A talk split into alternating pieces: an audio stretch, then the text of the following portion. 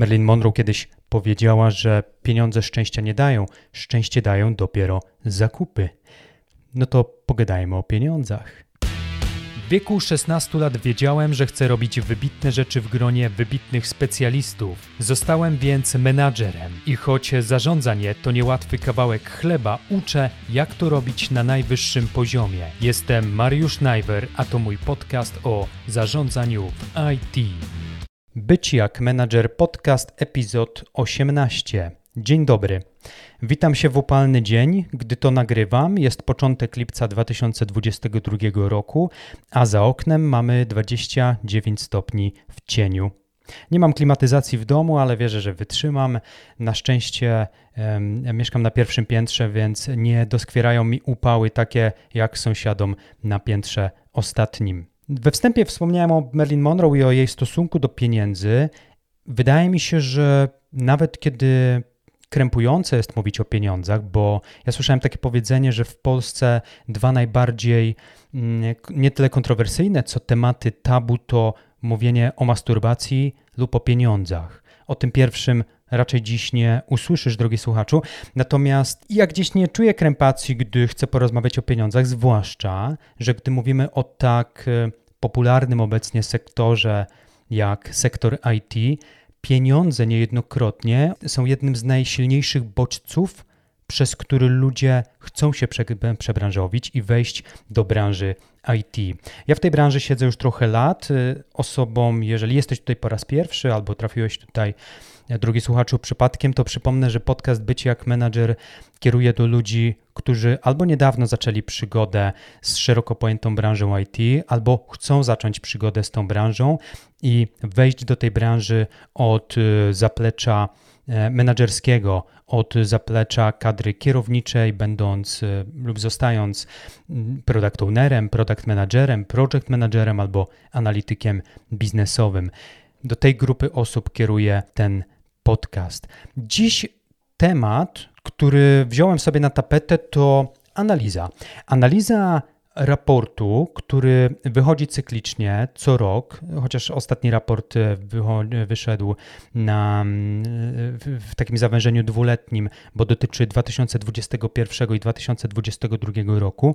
I ten raport nazywa się Zarobki produktowców. Zaraz opowiem więcej, kto jest autorem tego raportu. Ten raport nie jest świeży.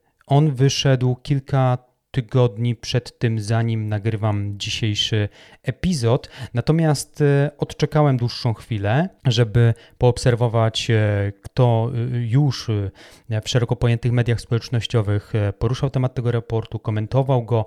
Wiem, że w kuluarach zawsze albo bardzo często rozmawia się o tym raporcie, ponieważ ten raport głównie dotyczy tego, co wydaje mi się, nas, pracowników, specjalistów, ekspertów, ludzi nie tylko z branży IT, ale ludzi, ludzi w ogóle interesuje bardzo szczególnie. Ten raport dotyczy zarobków, pieniążków, hajsu, geltu, maniany, słodkich, pięknych polskich PLN-ów. Dlatego ja nie chcę pomijać tego tematu, bo sam dostaję od y, moich słuchaczy, od słuchaczy tego podcastu pytania na swoją prywatną skrzynkę w kontekście mm, albo w temacie zarobków i są to często pytania na zasadzie Mariusz, zaczynam, branżę, e, zaczynam pracę w branży IT, przebranżawiam się, ile ja mam w ogóle zaśpiewać w czasie rozmowy rekrutacyjnej? Ile ja w ogóle powinienem chcieć zarabiać? I niezwykle ciężko jest odpowiedzieć na to pytanie, bo najczęściej są to indywidualne sytuacje osadzone w kontekście danej osoby, jej ambicji, jej doświadczenia zawodowego, jej umiejętności, a także podejścia do roli, którą chce wykonywać w branży IT. Zanim wejdziemy już w akt numer jeden i przejdziemy do mięcha, to serdecznie, serdecznie dziękuję wszystkim, którzy zapisali się już na mój newsletter na blogu byciakmanager.pl. Ci, którzy już się zapisali, doskonale wiedzą, że ja nigdy nie spamuję, nie odsprzedaję, nie oddaję danych osobowych, imienia ani adresu mailowego żadnym firmom ani osobom trzecim, a wysyłam tylko i wyłącznie update'y w sprawie kolejnych podcastów lub rzeczy naprawdę ważnych bądź istotnych, jakie dzieją się w branży, o których warto e, szerzej wspomnieć. I jeszcze tak z ogłoszeń duszpasterskich, jeżeli słuchasz tego na YouTube, no to możesz jednocześnie widzieć slajdy, które pokazuję, o których opowiadam. Natomiast jeżeli słuchasz tego na jakiejś platformie streamingowej typu Spotify, nic straconego. Ten podcast nie będzie brzmiał gorzej nawet, gdy nie masz wizji, a jeżeli chcesz, do czego zachęcam, samemu um, przejrzeć ten raport, drugi słuchaczu, to pod wpisem na blogu byćmy jak manager.pl, pod wpisem dotyczącym dzisiejszego epizodu, oczywiście linkuję oficjalną stronę, z której pobrałem ten raport. On jest za darmo, wystarczy tylko zapisać się na newsletter twórców. I teraz już o samym raporcie wchodzimy powolutku w mięso. Raport powstał na bazie badania internetowego. Przeprowadzono ankietę i tutaj y, jestem pod wrażeniem, bo skala, jak na polskie warunki, jest dość spora, ponieważ w tym badaniu, w tej ankiecie wzięło udział prawie 600 y, osób. Ja nie będę streszczał tego raportu, bo to nie ma większego sensu. Skupię się dziś tylko na tych wątkach, które szczególnie przykuły moją uwagę. W raporcie znalazłem potencjalne odpowiedzi na część pytań, które dostaję od swoich słuchaczy. Powiemy dziś m.in. o konkretnych zarobkach, e, konkretnej roli w branży IT. Dostaję także pytania o to, czy wykształcenie i studia mają znaczenie, gdy chcemy wejść do e, menedżerskiej branży IT, Odbieram czasem pytania o to, jakie są główne zadania produktowców, o to, y, jakie są najważniejsze kompetencje product managera. To będzie podcast typowo produktowy, bo też tego dotyczy raport. I pojawi się też wątek, który ja ostatnio namiętnie śledzę, czy kobiety rzeczywiście zarabiają mniej i jak bardzo szowinistyczne są realia finansowe branży IT. Warto zostać do końca. Teoria to jedno, a praktyka to drugie. Raport pokazuje tak naprawdę praktyczną stronę naszej produktowej codzienności, ponieważ on jest oparty na realnych doświadczeniach menadżerów. I to jest to, co ja najbardziej lubię w tym raporcie. I ten raport został podzielony na trzy obszary. Za chwilę powiemy o tych e, obszarach, natomiast ja chcę jeszcze wspomnieć o tym, kto stworzył raport, bo byłbym bardzo nieelegancki, gdybym nie oddał kredytów zasłużonym, czyli e, twórcom raportu. A twórcami są Grzegorz Wenz, doświadczony product manager, który zna się na rzeczy, jeżeli mówimy o budowaniu tudzież skalowaniu produktów dla e, wielkich e, organizacji, ale także dla e, startupów. I Grzegorz Węc kojarzony jest przede wszystkim właśnie z productart.pm, ponieważ jest współtwórcą tego produktowego newslettera, do którego subskrybowania także Was zachęcam. I drugim autorem tego mm, zacnego raportu jest Tomasz Tomaszewski. Mm, w chwili, gdy powstawał raport, raport i prawdopodobnie wciąż, gdy nagrywam ten podcast, Tomasz jest headem produktu w SentiOne i specjalizuje się w rozwijaniu zespołów produktowych, ale także coachuje przyszłych liderów produktu i on stoi za tym podmiotem, o którym już wspomniałem, za Product Vision. productart.pm, źródło praktycznej wiedzy o rozwoju kariery właśnie w tej branży IT, o budowaniu wartościowych produktów. Jest to głównie newsletter, który cyklicznie co tydzień trafia na skrzynkę wszystkich subskrybentów. Product Vision to jest blog, strona, to jest społeczność, to jest akademia zwinnego tworzenia i rozwoju produktów. I ja sam czasem zaglądam na blog Product Vision, także Ciebie zachęcam do odwiedzenia tej strony. Bardzo fajne źródło fajnej, rzeczowej, konkretnej wiedzy. Tyle z kredytów, wiadomo kto stworzył ten raport. Ja chylę czoła, ponieważ i skala, na której operowała ta, e, przeprowadzono tą ankietę jest naprawdę na, na, naprawdę wielka i w ogóle sposób, w jaki ten raport został y, połamany, jak zgrupowano te informacje, wszystko jest czytelne, przejrzyste. Naprawdę aż trochę dziwię się, że ten raport nie poniósł się aż takim głośnym echem w środowisku product managerów albo product ownerów, bo gdy ja udostępniam albo wysyłam moim kolegom i koleżankom produktowcom ten raport, to wielu z nich gdzieś go przeoczyło co mnie bardzo, bardzo dziwi. Raport został podzielony na trzy obszary. Kto wziął udział w badaniu i dostajemy dzięki temu pewien podgląd na to, kim tak naprawdę my, polscy produktowcy, jesteśmy. Druga część tego raportu to są informacje o zarobkach i to jest całe mięcho produktowe i mięso tego raportu absolutnie najważniejsze informacje, na których opiera się raport, a trzecia część raportu to są informacje dodatkowe. I pomyślałem, że zainspiruję się tym podziałem i tak też podzielę nasz dzisiejszy podcast na trzy obszary. Opowiemy sobie, kim są polscy produktowcy, później opowiemy sobie, ile zarabiają produktowcy, a na koniec mm, będzie jeszcze trochę ogłoszeń dusz pasterskich. I gdy będę dzielił się informacjami, wybacz, że drogi słuchacze, ten wstęp jest taki trochę przydługi, natomiast ten raport jest naprawdę istotny i ja spędziłem długie godziny analizując e, to, co znajduje się w raporcie, żeby wyciągnąć takie mięsko, które uważam nie znudzi cię przez, przez najbliższe kilkadziesiąt minut, a jednocześnie wniesie do twojego życia zawodowego i do twojej kariery naprawdę wartość e, dodaną. Więc gdy będę dzielił się informacjami znajdującymi się w raporcie, to żeby uniknąć wspomnianego streszczenia, będę się z Tobą dzielił moimi subiektywnymi opiniami i spostrzeżeniami. To jest bardzo ważne. Ja czytanie raportów bez refleksji uważam za zbrodnię na własnej inteligencji, także mam nadzieję, że nie tylko mnie, ale także Ciebie czeka teraz niezły e, najpierw odlot, a następnie przelot nad planetą polskiej klasy product managerskiej. Lećmy z tym, bo się rozgadałem. Kim są produktowcy z badania, czyli kobiety kontra mężczyźni? I tutaj ciekawa rzecz, ponieważ parytet płci może nie jest idealny, ale jednak błędem jest mówienie, że menadżerowie to głównie mężczyźni. Ja sam pracuję w firmie, gdzie ta proporcja wyrównuje się mniej więcej pół na pół. W badaniu wystąpiło, przepraszam, powiem tak troszkę językiem filmowym, ale w badaniu wystąpiło 211 kobiet i 377 mężczyzn. Pięć osób nie chciało podać swojej płci.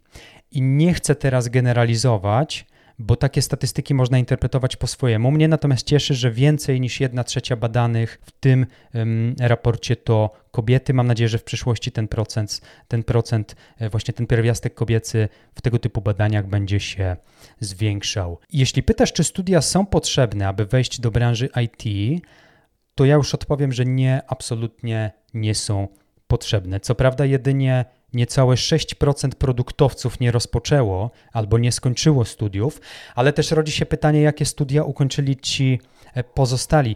Na swoim przykładzie mogę powiedzieć, że ja ukończyłem na przykład dziennikarstwo muzyczne, ale ten kierunek nijak ma się do tego, co teraz robię. Może po, poza tym, że jako dziennikarz z kilkuletnią e, praktyką w zawodzie nauczyłem się rozmawiać z każdym, niezależnie od posiadanej funkcji czy charakteru. I dzisiaj przydaje mi się ten soft skill w komunikacji z wieloma osobami na różnych szczeblach, od zwykłych użytkowników po dyrektorów dużych korporacji lub inwestorów. Słynne MBA to jest też ciekawy wątek, bo niektórzy zwykli przechwalać się tytułem MBA na LinkedInie. Słynne MBA ukończyło tak naprawdę niecałe dwa procent badanych. Ja sam zastanawiałem się nad studiami MBA, żeby w ten sposób poszerzyć swoją sieć kontaktów biznesowych, ale potem doszedłem do wniosku, że jak będę sprawny w tym, co robię, to kontakty biznesowe przyjdą do mnie i wciąż w to wierzę i to mnie się sprawdza. I to zaczyna się potwierdzać, ponieważ dzięki mojemu podcastowi chociażby albo konsultacjach biznesowych, moja sieć kontaktów realnie zwiększa się z tygodnia na tydzień. 30% ankietowanych produktowców pracuje obecnie na stanowisku product manager, a 29% ankietowanych produktowców pracuje obecnie na stanowisku product owner. Ponad 40% produktowców było wcześniej project managerami. Ja również przyznaję się bez bicia. W moim przypadku również tak było, stąd ja czasem nawet rekomenduję swoim podopiecznym w czasie konsultacji, żeby weszli do branży właśnie od strony project managementu, a potem rozejrzeli się wokół i obrali dla siebie optymalną ścieżkę do dalszego rozwoju zawodowego. Wielu produktowców było też e, analitykami biznesowymi. Tutaj też nie ma żadnej e, tajemnicy, też znam takie, e, takie jednostki. Fajne pytanie postawione w raporcie: jakie stanowisko chcesz zajmować za 5 lat? Duży odsetek osób ankietowanych obrało sobie drabinę rozwojową opartą o stanowiska. I odpowiedziało w ankiecie, że za 5 lat wielu chce pracować albo piastować stanowisko head of product. To jest prawie mm, połowa ankietowanych, 49% w ciągu najbliższych 5 lat chciałoby zostać headem produktu. Mnie jest najbliżej do tego, żeby za kilka lat być niezależnym konsultantem oraz e, przedsiębiorcą. Taką ścieżkę zawodową widziałbym dla siebie, chociaż wiecie, jak jest w życiu, wszystko może się zmienić. Natomiast to, co ja polecam, to polecam kierować się swoim rozwojem osobistym według jednego ważnego kryterium, którym ja się kieruję, gdy podejmuję ważne decyzje zawodowe.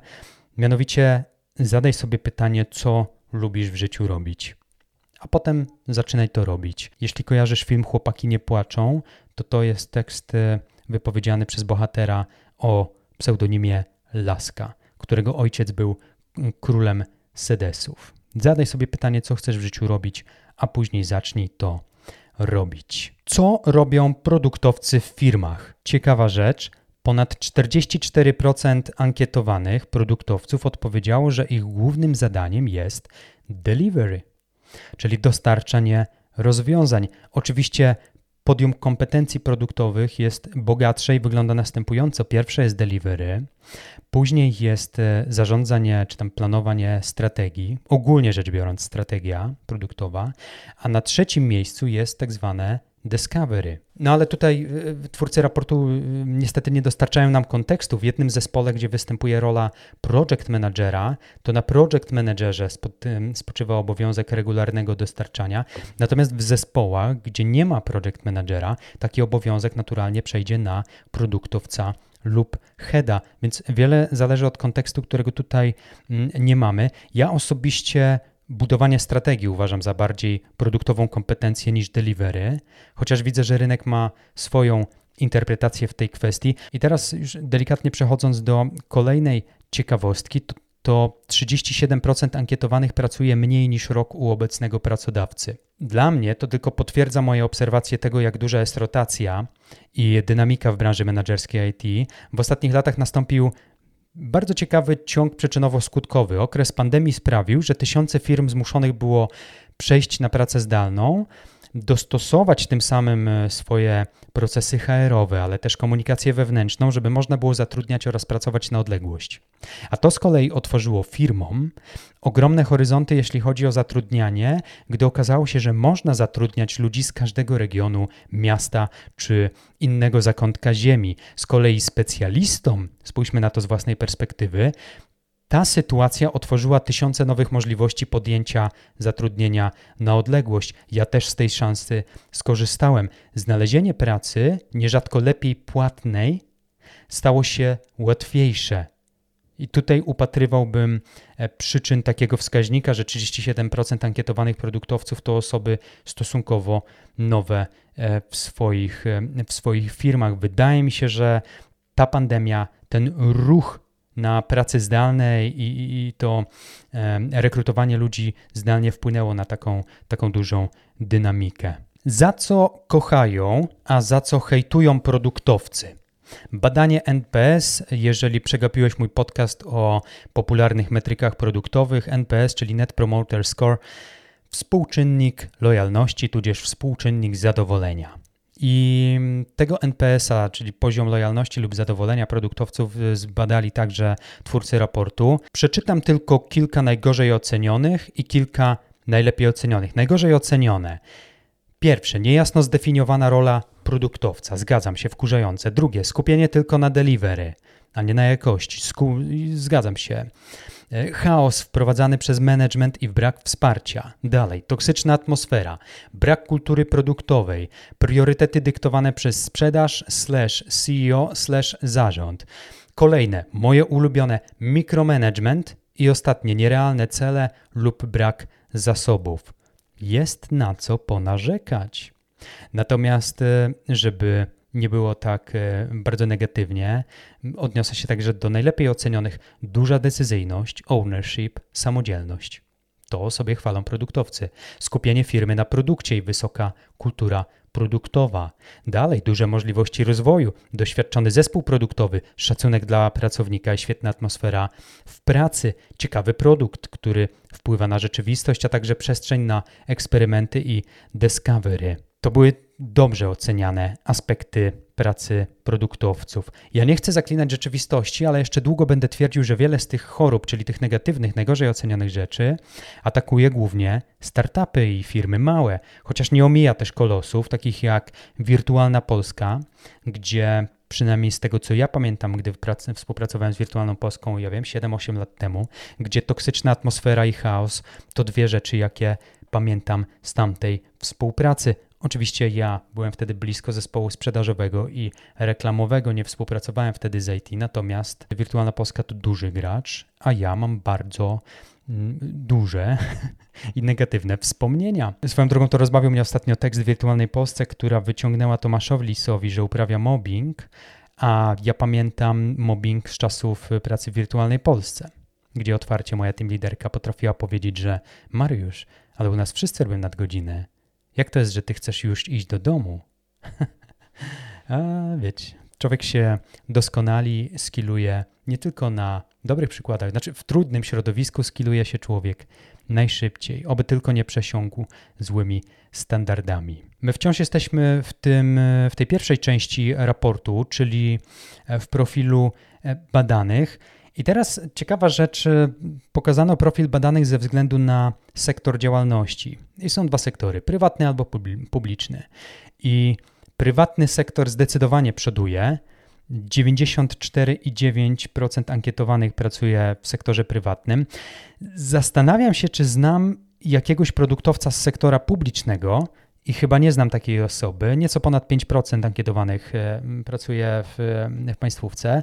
Natomiast pamiętajmy o tym, że wiele firm prywatnych dostaje granty i wyciąga pieniądze z publicznego worka jednak na rozwój swoich produktów, więc to nie jest tak, że 94,5% produktów powstaje za prywatne pieniądze. Nie, jakby nie mieszajmy tych dwóch pojęć. Skąd pochodzi kapitał? O, to jest ciekawa rzecz. Oczywiście kapitał firm, w której pracują e, ankietowani tego raportu. Jak dodamy kapitał krajów zagranicznych do siebie, to z badania wynika, że ponad połowa tego worka pieniędzy jest wypełniona hajsem z zagranicy. Ciekawy wątek w kontekście polskim. Przypomnę, że Polska wybiła się na rynku międzynarodowym jako państwo z relatywnie tanią siłą nabywczą. Nasi specjaliści lata temu zarabiali w Polsce dużo naprawdę dużo mniej od swoich kolegów na zachodzie. To się trochę zmieniło z czasem, natomiast jednocześnie polscy programiści mają bardzo dobrą opinię na świecie jako jedni z najlepszych inżynierów. Nie zapominajmy o tym. I to była przez lata wymarzona sytuacja dla nas jako, mm, jako mm, e, e, pracowników, ponieważ pompowano do nas kapitał z zagranicy, żeby za relatywnie rozsądne pieniądze otrzymywać wsparcie świetnych specjalistów. I teraz mnóstwo firm z zagranicy, a w większości sektor bankowy uczyniło z Polski swoje zaplecze, zaplecze deweloperskie, bo było tanio i dobrze. Chociaż nie lubię tego stwierdzenia, ale tak naprawdę było. Teraz jest dobrze, ale nie zawsze tanio. Tanio w sumie to już nie jest. Doświadczony programista w Polsce może wyciągnąć tak naprawdę tyle, co jego kolega z Niemiec czy Anglii.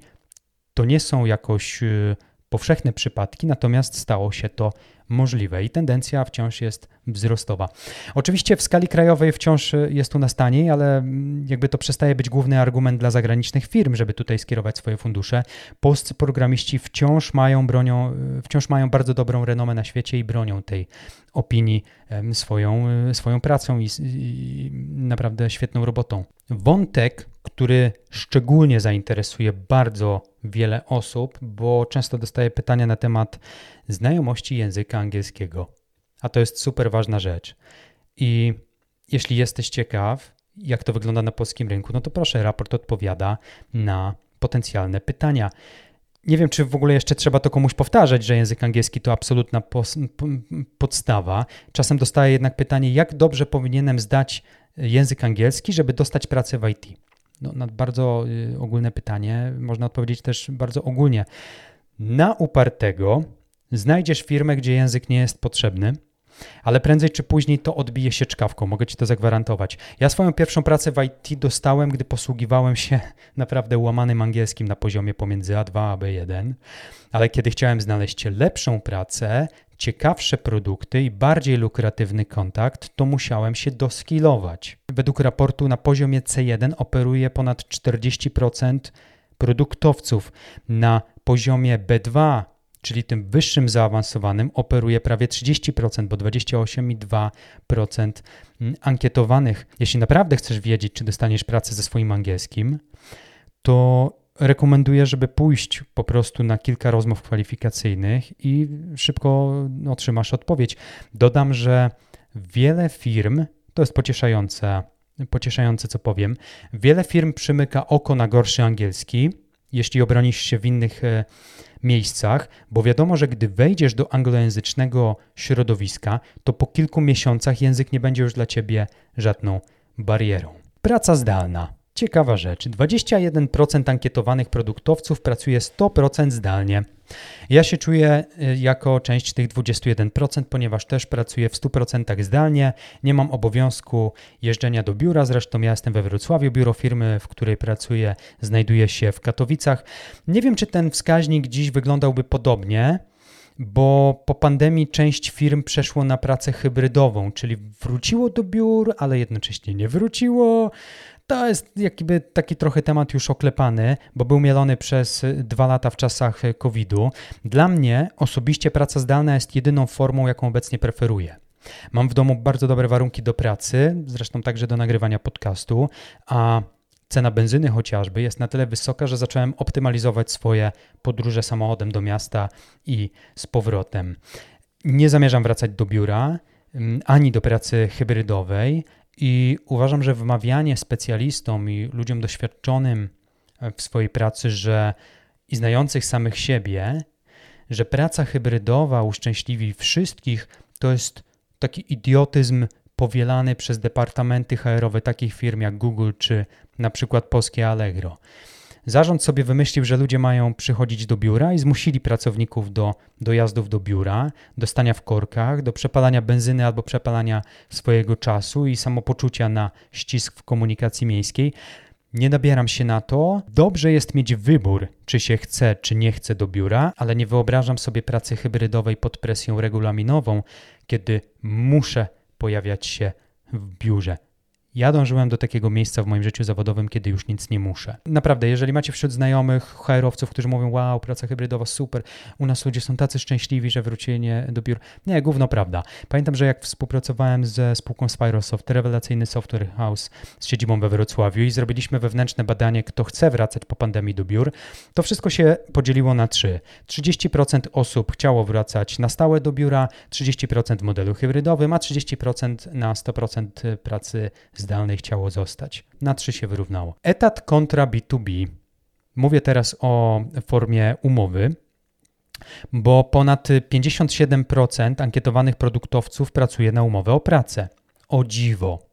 A tak się mówi, że wszyscy są na B2B, a tutaj proszę, większość pracuje na etacie. Etat nie zawsze się opłaca, Chociaż każdy rodzaj umowy ma swoje plusy i minusy, to temat na inną dyskusję, nie chcę wchodzić w szczegóły, chociaż wiem, że w kontekście zarobków to jest piekielnie ważny wątek, to jednak moglibyśmy o nim gadać e, godzinami. Jeśli mnie pamięć nie myli, to o tym, jak wyceniam swoją pracę i ile chciałem zarabiać, gdy ostatnio szukałem pracy, wspominam w poprzednim podcaście, epizod 17. Dziś pracuję na etacie, Zachęcam, żeby wrócić do tego podcastu. Tam też przejawia się wątek formy zatrudnienia, a także ile chciałem zarabiać, gdy szukałem pracy, więc zachęcam. Powody zmiany formy zatrudnienia, bardzo tak dyplomatycznie napisane. W skrócie, dlaczego produktowcy rzucają robotę. I to jest ciekawa rzecz. Może ja przeczytam, przytoczę kilka przykładów. Najczęstsze powody do zmiany formy zatrudnienia. Optymalizacja podatków. No tak, rzucają ludzie robotę, bo chcą, na, chcą przejść na B2B. Chcą mieć wyższe wynagrodzenia. Tutaj też wątek B2B. A jeśli rzucają B2B, bo chcą iść na umowę o pracę, no to chcą mieć płatny urlop. Jeżeli wracają na kontrakt, no to chcą mieć y, możliwość podejmowania innych zleceń. Bezpieczeństwo też nam się kojarzy z umową o pracę, jakieś benefity nam się kojarzą z umową o pracę, natomiast no, płatne L4 też się kojarzy z umową o pracę. Polski Ład już bardziej się kojarzy z kontraktem B2B. Dwa zdania ode mnie w tej kwestii. Po pierwsze, nie wszystkie powody są zasadne według mnie. Jeśli chodzi o płatny urlop na umowie o pracę, to nie jest tak, że tylko na umowie o pracę są, jest płatny urlop. Ja na wszystkich umowach, w sensie kontraktach też miałem płatne urlopy. To była kwestia tylko i wyłącznie zdefiniowania odpowiednio kontraktu. Możliwość podejmowania innych zleceń i tutaj też ludzie wskazują, że chcą być na B2B, bo jako jednoosobowa działalność będą mogli e, brać jakby zlecenia z rynku. Ja nie mam podpisanej umowy lojalnościowej, która zabraniałaby mi brać inne zlecenia z rynku. Oczywiście jest pewien zapis mówiący o tym, że nie powinienem działać bezpośrednio, współpracować jakby z konkurencją mojego pracodawcy. Ja to uważam za nawet zwyczajnie nieeleganckie, jeżeli robisz e, jedną rzecz, działasz, działasz, technologicznie z jednym graczem, a idziesz do jego konkurenta i działasz w tym samym czasie. Nie potrzebowałbym zapisu w umowie, żeby tego nie robić, natomiast ja także biorę zlecenia z rynku, chociażby moje konsultacje menedżerskie to jest działalność biznesowa, którą wykonuję po godzinach w ramach y, swojej firmy. Także y, mnie tutaj y, etat w niczym nie ogranicza tak naprawdę. I tutaj też ludzie wskazywali, że chcą mieć umowę o pracę dla benefitów. Ja będąc zatrudnionym w przeszłości na kontrakcie B2B, także miałem listę długą listę benefitów, z których czerpałem pełnymi garściami. Polski Ład, i tutaj też właśnie ludzie mówią, że wracają na B2B, ponieważ Polski Ład ich dojeżdża. Hmm, tutaj bym polemizował.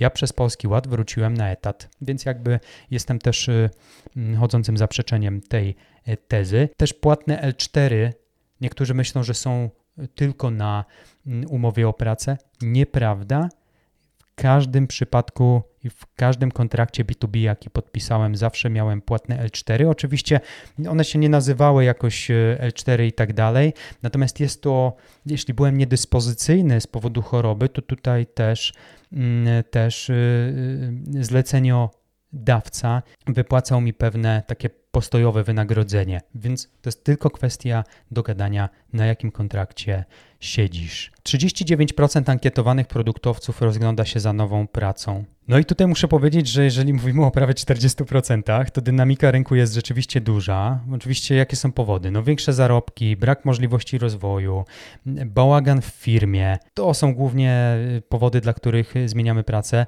ale że aż 40% osób gdy to czytam, szuka nowej pracy? Hmm. Jest to niepokojące na pewno dla firm. Nie wiem, czy dla specjalistów. Ok, wejdźmy już w temat najbardziej pożądany.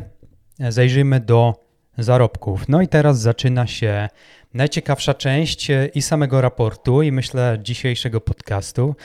Otóż garstka z nas, produktowców, garstunia bym powiedział, zarabia powyżej 25 tysięcy złotych na rękę, to jest netto, Szkoda też, że nie ma tutaj kontekstu, bo 25 tysięcy na rękę, gdy nie masz płatnych urlopów, nie masz płatnych L4, nie masz multisportu, nie masz pakietu medycznego, nie masz etatu, to jest składek na ZUS i ubezpieczenie społeczne. W dodatku jesteś na przykład na podatku liniowym, oraz ponosisz koszty księgowości, to w takim przypadku, jeżeli ktoś mi mówi, że zarabia 25 tysięcy netto na rękę, no to wcale nie jest dużo i tutaj od razu dodam, że za granicą produktowcy zarabiają o wiele lepiej oczywiście, a wiem, bo przeglądałem oferty pracy za granicą, więc trochę brakuje mi kontekstu, co ludzie definiowali na rękę, bo ja chcę mieć płatny urlop, ja chcę mieć płatne L4, ja chcę mieć multisport, pakiet medyczny, chcę mieć e, składki ZUS płacone na bieżąco i ubezpieczenia społeczne i chcę mieć dobrze obsłużoną księgowość, jeżeli takiej potrzebuję. I dla mnie 25 tysięcy netto na rękę, gdy mm, zleceniodawca nie pokrywa tych kosztów, o których przed chwilą wspomniałem, to wcale nie jest jakiś tam szał, tak naprawdę. Mówię tutaj w skali europejskiej, to nie jest e, szał. Mediana od razu wyjaśnijmy, czym jest mediana, bo to nie jest średnia zarobków.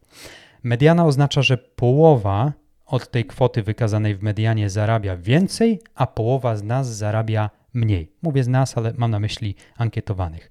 I mediana zarobków wygląda naprawdę ciekawie, chociaż to, co mnie interesowało, to ewentualny wzrost. Wśród wszystkich ankietowanych produktowców mediana zarobków wyniosła 11 299 zł, netto, czyli na rękę, i to jest wzrost o 19% w stosunku do poprzedniego e, roku, do poprzedniego raportu. I ja również zauważyłem, chyba wielu z nas zauważyło, że stawki poszły ewidentnie w górę. To jest mediana ogólna, która dotyczy wszystkich stanowisk mniej lub bardziej doświadczonych produktowców, mniej i bardziej doświadczonych produktowców.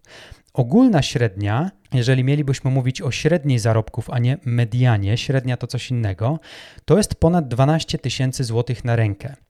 Dwa, dokładnie 12 282 zł netto na rękę zarabiają polscy produktowcy, uśredniając ten wynik z, mm, z badania. I tutaj jest wzrost o 24% w stosunku do poprzedniego roku. Średnia zarobków wzrosła o 2343 zł. No, dość mocny wzrost. Nie ukrywam, że zauważalny także dla mnie. Tutaj mm, Paulina Grodzicka e, z Ergo Technology and Services SA, mm, to jest Product Department Director, fajnie to skomentowała, że świat IT zaliczył bardzo dynamiczny wzrost wynagrodzeń na przestrzeni ostatniego roku, nawet stanowiska juniorskie. Obserwujemy teraz rynek pracownika, gdzie to on dyktuje warunki współpracy, staje się bardziej świadomy, nie godzi się na niższe wynagrodzenie czy gorsze traktowanie. Bardzo fajny i słuszny komentarz pani Pauliny. Pozdrawiam. Parytet płci. Wchodzimy w temat, który dla mnie jest ostatnio piekielnie ważny. No i tutaj dzieje się naprawdę, naprawdę e, ciekawie. I to jest jeden z tych tematów, który mnie szczególnie interesował, bo przyglądam się Przyglądam się temu i, i, staram się sam odpowiedzieć sobie na pytanie, na ile szowinistyczni jesteśmy, jeśli chodzi o finanse w branży IT. Mm, zachęcam, żeby też samemu przeanalizować e, ten, ten, ten raport, bo ja mogę się mylić, moje analizy mogą być nietrafne. Natomiast to, co zauważyłem, niskie widełki, czyli od 4 do prawie 6 tysięcy złotych na rękę, w takich widełkach, jeżeli spojrzymy na naszych ankietowanych, e, znalazło się 13,7% kobiet, i nieco ponad połowa mniej mężczyzn, czyli tak naprawdę ponad połowa mniej facetów zarabia widełki bardzo mocno juniorskie. Tak wynika z raportu.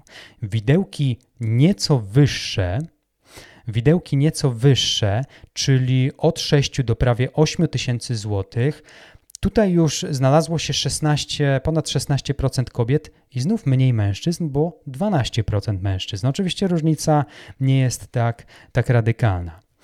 Jeśli weźmiemy widełki ze średniej półki płacowe, to prawie 20% kobiet, dokładnie 19% kobiet wśród ankietowanych zarabia od 8 do 10 tysięcy złotych, a jeżeli chodzi o mężczyzn, to 14%, czyli 5% mniej mężczyzn, mężczyzn zarabia od 8 do 10 tysięcy złotych.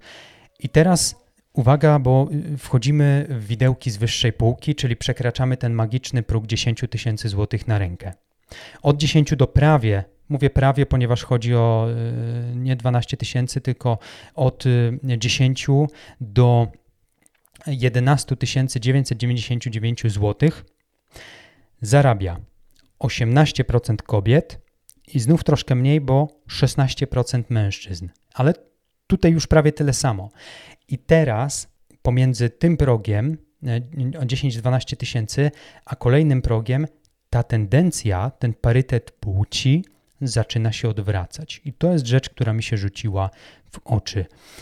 16% mężczyzn zarabia od 12 do prawie 14 tysięcy złotych, natomiast tą samą kwotę zarabia już niecałe 11% kobiet, było tylko 10,9% kobiet. Tak naprawdę 5% więcej mężczyzn niż kobiet zarabia od 12 do 14 tysięcy. Od 14 do 16 tysięcy na rękę te kwoty, i to już są naprawdę dobre kwoty, zarabia 12% mężczyzn i prawie połowa mniej kobiet, 6,2% kobiet ma takie zarobki. Od 16 do 18 tysięcy zarabia z kolei 6% mężczyzn i znów nieco mniejszy odsetek kobiet, bo 5,7%. Od 18 do prawie 20 tysięcy złotych zarabia 4% mężczyzn i mm, poniżej 3% kobiet, bo 2,8% kobiet. A jeśli spojrzelibyśmy na ten najwyższy, najwyższy widełek, to tutaj także mniej kobiet zarabia od 20 do 25 tysięcy na rękę, ponieważ 4,7% kobiet, porównując do 7% mężczyzn, które, mm, którzy na tę kwotę mogą liczyć. Im większe zarobki, tym mniej kobiet znajduje się w grupie, e, która zarabia właśnie te pieniądze. Ja dochodzę do smutnego wniosku teraz, bo z badania wyraźnie wynika, że im wyższa stawka, tym mniejsze szanse na to, że w tej grupie będzie co najmniej tyle samo kobiet, co mężczyzn. Nie chcę oceniać tego, że. Znaczy, czy to jest szowinistyczne? Być może y, słowo szowinizm jest y, bardzo medialne, dlatego po nie sięgam. Natomiast y, to, skąd jest przyczyna takich zarobków, to jest podcast na zupełnie, na zupełnie inny dzień i czas. Juniorskie stanowiska, spójrzmy na nie, bo to jest ciekawe. Junior Product Manager jest z medianą 7000 zł na, na rękę. Junior Product Owner jest już z medianą 5800 5857 zł na rękę. I to są całkiem przyzwoite stawki, jeżeli założymy, że junior to osoba bez doświadczenia. Natomiast pisanie w ogłoszeniach, że szukamy juniora z dwuletnim doświadczeniem, to jest nabijanie młodych specjalistów w butelkę. Firmy tak naprawdę robiąc to chcą znaleźć mida z niewielkim doświadczeniem, aby płacić mu stawkę juniorską. Ja to uważam za skurwysyństwo i nieco takie HR-owskie mocne nadużycie. Nie będę przechodził kolejno po medianach zarobków poszczególnych stanowisk. Zachęcam, żebyś sam to zrobił, żebyś zajrzał do tego raportu, bo drogi słuchaczu, znajdziesz tutaj naprawdę wiele ciekawych danych. Link do strony, jak już wspomniałem, z której pobrałem raport, znajdziesz we wpisie na moim blogu pod dzisiejszym podcastem. Zbliżamy się powoli do końca podcastu, stąd chciałbym zauważyć jedną rzecz, która rzuciła mi się y, w oczy i tutaj, jeżeli mm, y, być może ten podcast dotrze do autorów raportu, to Zwróciłbym szczególną uwagę na to w czasie przygotowywania przyszłych raportów w kolejnych latach. Mianowicie średnie zarobki HEDA produktów wśród ankietowanych to 14 480, 483 zł na rękę. No i z tego raportu to jest dla mnie troszkę zastanawiające, dziwne, śmieszne, intrygujące, bo z tego raportu wynika, że senior PM, senior product manager zarabia prawie ponad 1000 zł więcej niż head produktu. Ponad 1500 zł więcej od heada zarabia lead product manager, a senior product owner zarabia zaledwie kilkaset złotych mniej od heada produktu.